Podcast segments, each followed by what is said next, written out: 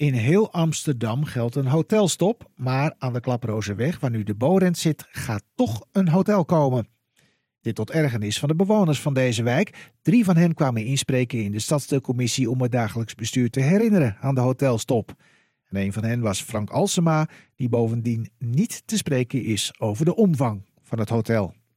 Het uh, wordt een groot, saai, ibis, beetje lelijk, kolosserig hotel wat vrij uh, gesloten zal zijn naar de buurt toe.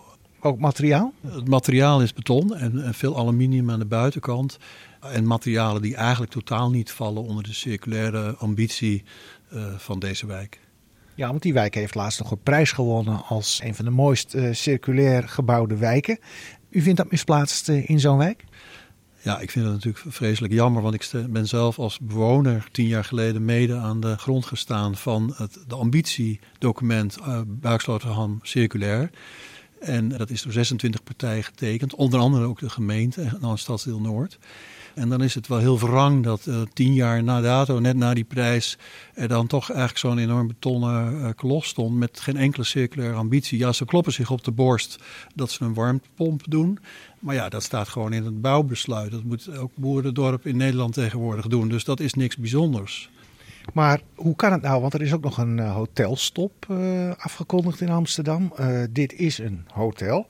Hoe kan het nou dat er ondanks zo'n hotelstop dan toch nog weer zo'n groot hotel kan komen? Ja, dat komt omdat uh, Buiksloterham nog een oud bestemmingsplan heeft. En in dat bestemmingsplan is 40.000 vierkante meter vergund aan hotelruimte. En veel ontwikkelaars hebben al vrij lang posities. En dat zijn vaak ook eigen grond daarmee.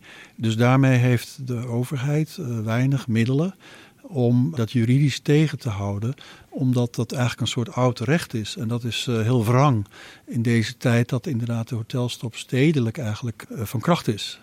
Dus dan konden de ambtenaren van de gemeente ook niet anders doen dan adviseren om dit hotel maar te laten bouwen?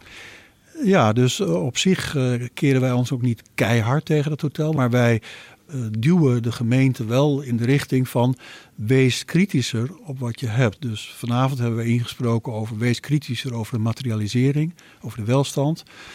En wees minder scheutig met al die kruimelregelingen, want daar hebben we ons... Kruimelregelingen, kunt ja. u daar iets over vertellen dan? Ja, geweldig woord. Het voelt als voezelarij en dat is het ook een beetje. Het is een beetje handjeklapachtig, het is een beetje onduidelijk gebied. Maar je kunt best veel doen in de kruimelregeling. Om even aan te geven, het gebouw is 30 meter hoog volgens bestemmingsplan, maar wordt uiteindelijk 35 meter hoog vanwege die kruimelregeling. En in die laatste 5 meter wordt dan allerlei rommel gedouwd, allerlei beluchting en, en, en allerlei ingewikkelde dingen, die je anders in het gebouw kwijt zou moeten. Dus het creëert eigenlijk extra ruimte voor, voor extra hotelkamers. Want in plaats van de, de die 170 zijn het er nu 196. Dat zit ook in die kruimelregeling. Die 26 extra kamers, die zitten daarin. En het ergste waar wij eigenlijk nu op in, over vallen, is de uitkragende brandtrap. Dus er is een enorme brandtrap die uh, twee meter uitkraagt. En die hangt boven het plapaverplantsoentje dat het enige plantsoentje is in een wijk die waanzinnig volgebouwd wordt met enorme hoge torens van 30 meter de komende jaren. Alle hondjes uit die wijk, ongeveer 5000 hondjes, moeten in dat plantsoentje uitgelaten worden. En daar kraagt dan ook nog eens een keer uh, die trap bovenuit. En er is één boompje wat daar staat. Daar moeten al die hondjes tegenaan pissen. En die boom die loopt gevaar.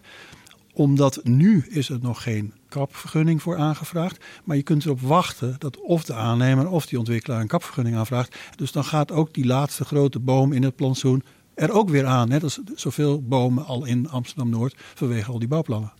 En ziet u verder ook nog andere problemen, even afgezien van het feit dat het dus een lelijk groot hotel wordt. Maar gaat u er ook hinder van ondervinden in de buurt, denkt u?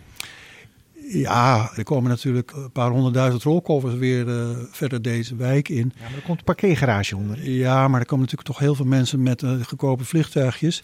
En, en die hebben allemaal uh, 10 kilo goedkope kleding in hun rolkoffertje. En dat moet toch ergens heen worden. Dus dat speelt een rol. Er is een parkeergarage inderdaad. Maar ja, die is uiteindelijk natuurlijk ook toch weer te klein voor die 196 kamers. Dus er zal veel in de buurt geparkeerd gaan worden.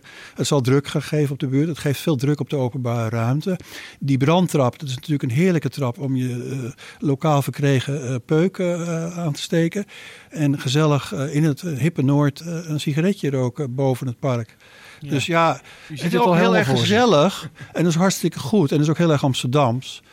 Maar ja, wil je dit? En dit is nog maar één van de hotels, want er komen er nog acht in Baaksloterham. Maar er is nu al een vergunning verleend, hè? Is ja, daar nog wat aan te doen? Ja, nou ja, kijk, wij hebben bezwaar aangetekend. We zijn niet, uh, een aantal zijn niet, ik ben zelf niet ontvankelijk verklaard omdat ik te ver weg woon, maar ik kom vooral op belang van de boom. Dus ja, ik zou naar de rechter kunnen gaan en zeggen, uh, is dat wel zo? Ben ik wel uh, niet gerechtigd om iets te zeggen over die boom? Want ik kom niet op voor mijn eigen achtertuintje of voor een eigen uitzicht of schaduw wat ik last van heb. Nee, ik kom dus voor het algemene publieke belang. Ik heb wel heel erg zin om te beginnen te procederen, ja. Het kan best zijn dat het, een gang naar de rechter ook uiteindelijk helpt om de politiek of de ambtenaar misschien een bepaald middel wel of niet nog te kunnen inzetten. Maar hij geeft natuurlijk aan. Uh, Hima biedt, hè? Ja. Stadsvoorzitter. Stadsvoorzitter geeft natuurlijk aan dat hij met spijt zal moeten zeggen dat hij waarschijnlijk heel weinig kan doen. We gaan het aanwachten. Veel succes, dank u wel. Dank je wel voor deze aandacht en de uitzending.